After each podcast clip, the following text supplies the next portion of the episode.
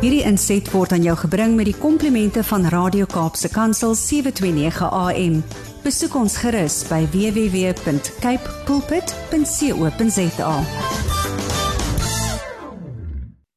Goeiedag en baie welkom by die program Markplek Ambassadeurs, die program van uh, CBC hier op Radio Kaapse Kansel 729 AM. Ek is Harm Engelbrecht en dis vandag weer eens vir my die voorreg om met julle te kan gesels hier uit die ateljee uit van Radio Kaapse Kansel. Ek is besig met 'n met 'n reeks um, uit 'n boek uitgeskryf oor koninkryks leierskap vir organisatoriese leiers of die oorspronklike uh Engelse uh, titel Kingdom Leadership for Organizational Leaders soos geskryf deur um, deur Dr. Gustav Poot um 'n persoon wat um 'n lektor was daar by die verskeie universiteite en professor was en verskeie boeke geskryf het. En hy het hierdie boek geskryf en ek en hy het begin gesels oor hierdie boek van hom 'n paar maande terug. En soos julle sal weet, die van julle wat nou al rukkie luister na die program, uh, eh, Dr. Gustaf is ongelukkig oorlede so in die middel van ons opnames. So ek het nou die die ek weet nie dit 'n voorreg is nie, maar ek probeer nou maar van my kant af om maar die res van die dit wat ons bespreek het maar net af te handel. So vir die volgende paar weke sal ek dit nou ehm um, probeer afhandel en ek hoop ek kan dit verstaanbaar oordra die die gedagtes wat hy in sy boek saamgevat het rondom koninkryks leierskap. Nou vandag wil ek 'n bietjie begin gesels oor die vestiging en die uitleef van 'n korporatiewe kultuur binne in jou besigheid, binne in jou organisasie of dit nou 'n maatskappy is en of dit nou 'n bediening is en selfs 'n kerk is. Die daar's daar's 'n korporatiewe kultuur wees en ons gaan later 'n bietjie kyk na die betekenis daarvan en en die definisie daarvan. Maar soos altyd moet ons in die Bybel begin, in die Bybel begin in die woord van die Here. En kyk wat is daar wat is die kenmerke want ons praat tog oor die koninkryk van God. En ons praat ook in die program Markplek Ambassadeur. So as ek 'n ambassadeur is vir Christus hier op aarde, beteken dit ek is eintlik van sy koninkryk en ek ek is maar net tydelik hier op aarde om om hom te kom verteenwoordig. Nou is die vraag hoe lyk God se koninkryk? Hoe lyk die kenmerke en die kenmerkende kultuur en waardestelsels wat hy vir ons gegee het? So God se koninkryk het natuurlik 'n kenmerkende kultuur, hy het uit waardestelsels wat rigting gee um, aan ons en ook die gedrag bepaal waar volgens ons as sy kinders behoort te leef. Nou die bekendste en die mees omvattende uh, stel waardes wat ons in die Bybel kry is deur Jesus gegee in die bergpredikasie daarvan Matteus 5 tot 7. En ek gaan net so hier en daar gou net 'n uittrekseltjie lees vir julle. Ehm um, en ons almal ken hierdie eh, gedeelte in Matteus 5 wat ons praat van die saligsprekinge. In die ou vertaling het gestaan salig is die wat weet. In die, in die 1983 vertaling word die woord geseend gebruik. En ehm um, hy hy praat hier met ons en dan sê hy geseend is die wat weet hoe afhanklik hulle van God is, want dan hulle behoort die koninkryk van die hemel. En dan 'n paar verse later geseend is die wat barmhartig is, want dan hulle sal barmhartigheid bewys word. Geseend is die wat rein van hart is, want hulle sal God sien. Geseend is die vredemakers en so kan ons aangaan En dan praat hy later in dieselfde hoofstuk, dan sê hy ons is die sout vir die aarde. Ons is die lig vir die wêreld. En dis alles riglyne waarvolgens ons moet lewe. En dan ehm um, dan ook verder in in daardie hoofstuk waar daar baie ehm um, wat hy gesels oor uh oor uh, onder andere oor vergifnis en ehm um, hoe ons ons lewe moet in inrig rondom rondom ons huwelike en 'n klomp klomp riglyne wat Jesus gee in hierdie gedeelte wat eintlik vir ons riglyne is van hoe ons ons lewe behoort in te rig wanneer ons aan sy koninkryk behoort en ehm um, hom dien. En dan natuurlik die die stukkie wat wat hy oor gepraat het in Matteus 5 wat baie van ons mense maar partykeers maar net wil mislees. Daar by vers 43 gaan praat hy oor liefde vir jou vyand en hy sê jy het gehoor daar's gesê jy moet jou naaste lief en jou vyand moet jou haat maar ek sê vir jou jy moet julle vyande lief hê Julle moet bid vir die wat julle vervolg sodat julle kinders kan wees van julle Vader wat in die hemel is. En dan sê vers 46 as julle net die liefhet wat vir julle liefhet, watter loon kan julle dan verwag? Maak die tollenaars nie maar net ook so nie. En so het hy 'n klomp riglyne gegee verder in, in hoofstuk 6, um, ehm, hoe ons moet optree en hoe ons armes moet help, hoe ons moet bid en dan natuurlik oor oor vergifnis ook in daardie hoofstuk wat hy sê dat ons die vergifnis kan verwag uh in vers 14 uh dat ons die uh dat ons mense moet oor hulle oortredings vergewe en dan sal ons hemelse Vader ons uh, ook vergewe. In vers 15 sê hy: "Maar as julle ander mense nie vergewe nie, sal julle Vader ook julle oortredings nie vergewe nie." So hier's 'n klomp dinge wat hy skryf oor oor maak jou skatte bymekaar waar jy jou ehm um, jou fokus moet sit. Hoofstuk 6 vers 33, uh, daar's 'n stuk oor wat praat oor bekommernis en in vers 33 sê hy: "Beywer julle allereers vir die koninkryk van God en vir die wil van God." en dan dan sal julle al die dinge ook bykry. So wanneer ons praat oor 'n oor koninkryks perspektief van 'n korporatiewe kultuur, dan beteken dit wat is dit wat God van ons verwag? Hoe moet ons leef as sy kinders? Hoe behoort daai Christen kultuur te lyk waar volgens ons moet leef? En dan natuurlik die opsomming van hierdie beginsels wat hy vir ons um, gee, vind ons in Matteus 22 daarvan vers um, 38 tot 40 Want wat gebeur het? Natuurlik het die het die Fariseërs Jesus probeer uh, vasvra en hom probeer vastrek oor al die klomp wette wat daar is en hulle vra toe vir hom, "Ehm um, wat is die grootste gebod?" Ehm um, om hom te probeer vasvra. En hy sê toe vir hulle, "Maar die maar die grootste gebod is om die Here jou God te dien, uh hom lief te hê ehm um, en hom bo alles te dien. Jesus sê egter vir hulle: Jy moet die Here jou God lief hê met jou hele hart, met jou hele siel, met jou hele verstand. Dit is die grootste en die eerste gebod. En die tweede wat hiermee gelyk staan is jy moet jou naaste lief hê soos jouself. Nou dit is 'n opsomming vir ons van hoe dit moet lyk as ons koninkryks kinders is. Daar's nog baie ander riglyne wat ons na kan kyk, onder andere in Romeine Hy skryf Paulus oor baie riglyne van hoe dit lyk as ons kinders van van van van van van God is. Ehm um, in 4 skryf hy hoe lyk dit as ons kinders as ons mense van die lig is, as ons in die lig wil lewe. So Romeine 1 daarvan vers 18 uh eh, tot so hoofstuk 2 vers 10 kan jy gaan lees. Uh Romeine 6 van vers 8 tot 23. Uh Romeine hoofstuk 12, 1 Korintiërs 6 om net 'n paar te noem. En dan wil ek gou vinnig gaan na Efesiërs uh, hoofstuk 4. Uh, want in Efesiërs ehm um, skryf Paulus nogal so 'n hele 'n hele klomp belangrike goed wat hy bymekaar sit. Hy sê in hoofstuk 4 vers 22: Hou op om te lewe soos julle vroeër gelewe het. Breek met die ou sondige mens in julle wat julle sondige begeertes verteer. Julle gees en gedagtes moet nuut word lewe as nuwe mense wat as die beeld van God geskep is. Vol, lewe volkome volgens die wil van God en wees heilig. En dan is daar verder riglyne van hoe ons moet maak, ons moenie kwaad word nie, moenie steel nie, moenie lelik praat nie, moenie die gees van God bedroef nie, moenie uh, opvleend raak en jy meer verloor nie. En dan in hoofstuk 5 uh, praat hy van hoe ons dan lewe as as kinders van die lig, mense wat in die lig wandel. So dit is alles riglyne. Dit is alles dinge wat ons kultuur as koninkrykskinders bepaal. Um en in die Bybel herinner ons op verskeie ander plekke aan 'n reeks waardes en wat die implikasies daarvan is indien ons dit sou verontagsaam het en dit nie sou nagekom het nie.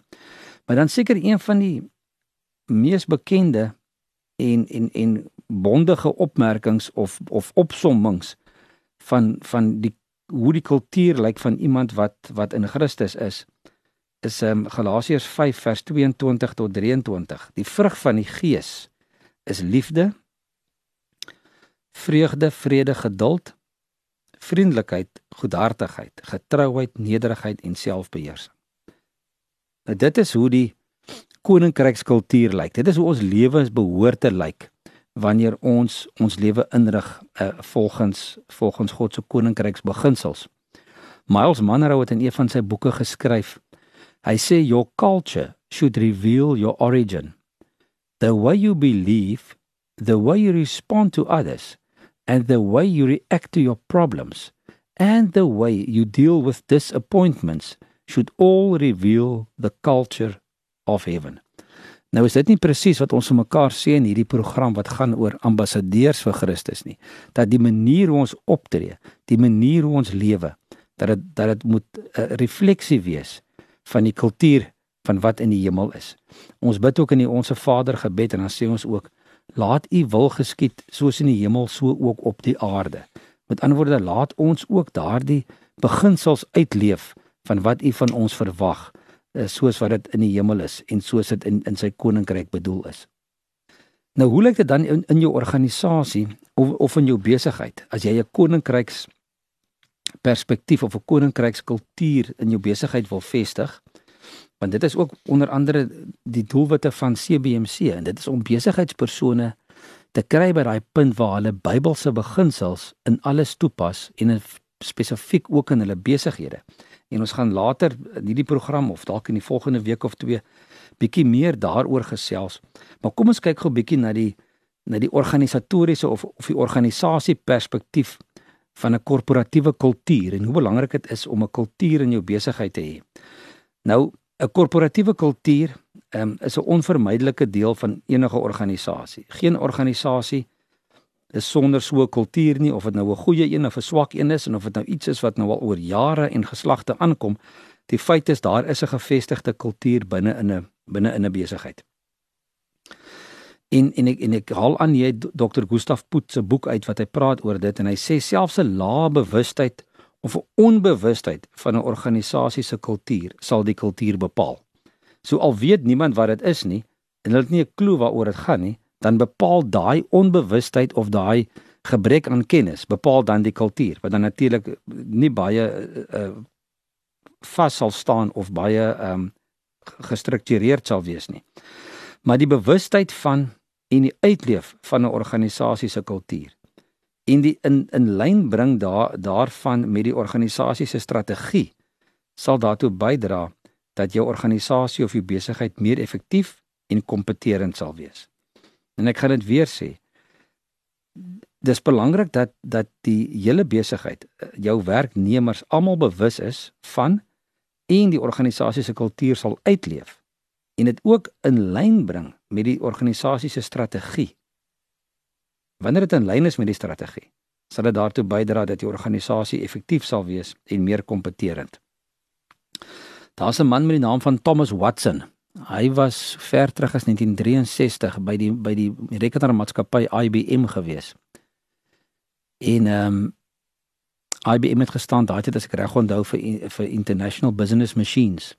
Hulle het daai groot rekenaars gebou jare terug. Hy het gesê ehm um, any organization, in order to survive and achieve success, must have a set of beliefs on which it premises all its politics, oh, sorry, all its policies and actions. Beliefs must always come before policies, practices, and goals.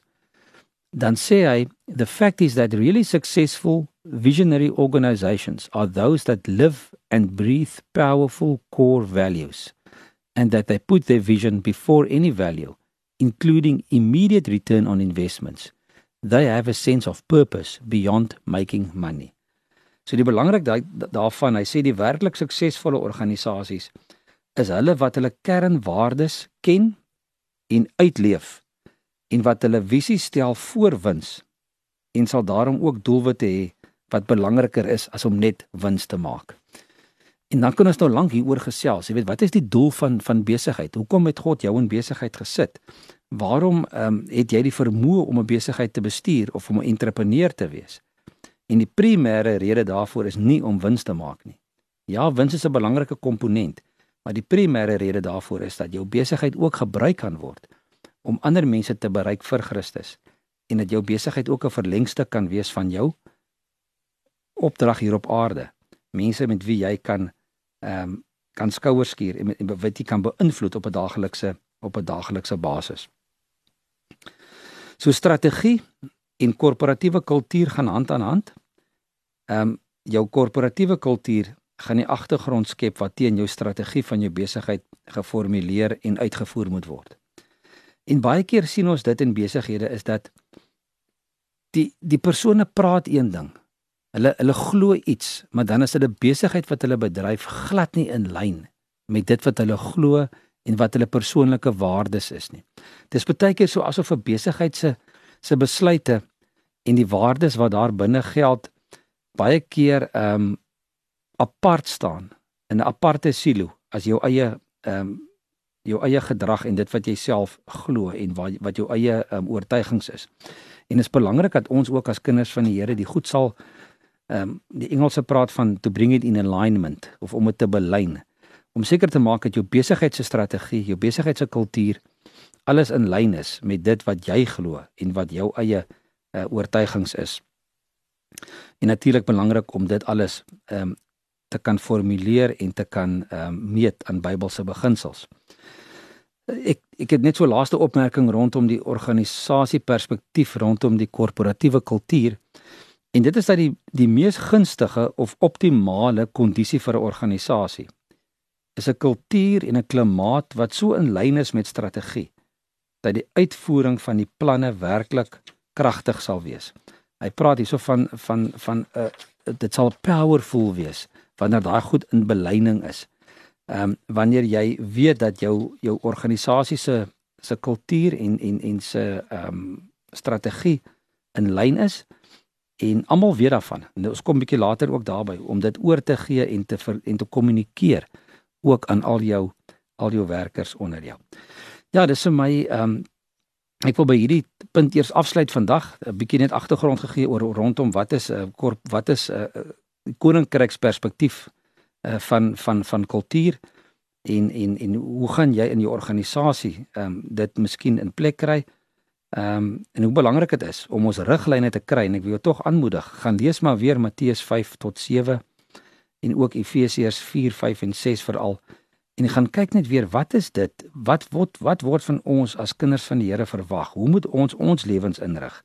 En gaan kyk dan 'n bietjie en ondersoek bietjie jou jou besigheid se kultuur en kyk of dit is ook hoe jy jou besigheid inrig. Ek is Harm Engelbregt van CBMC en CBMC is Christian Business Men's Connection en ons is 'n bediening wat wêreldwyd daarop ingestel is om besigheidspersone by Christus te bring, om hulle die die evangelie aan hulle te verkondig, om Christus as verlosser en Heer aan hulle voor te stel en ook om hulle te ontwikkel om die groot opdrag uit te voer uh van disipelmaking sodat hulle ook uiteindelik sal leef as ambassadeurs vir Christus daar in hulle werkplek. En daarmee groet ek jou tot volgende week. Totsiens. Hierdie inset was aan jou gebring met die komplimente van Radio Kaapse Kansel 729 AM. Besoek ons gerus by www.cape pulpit.co.za.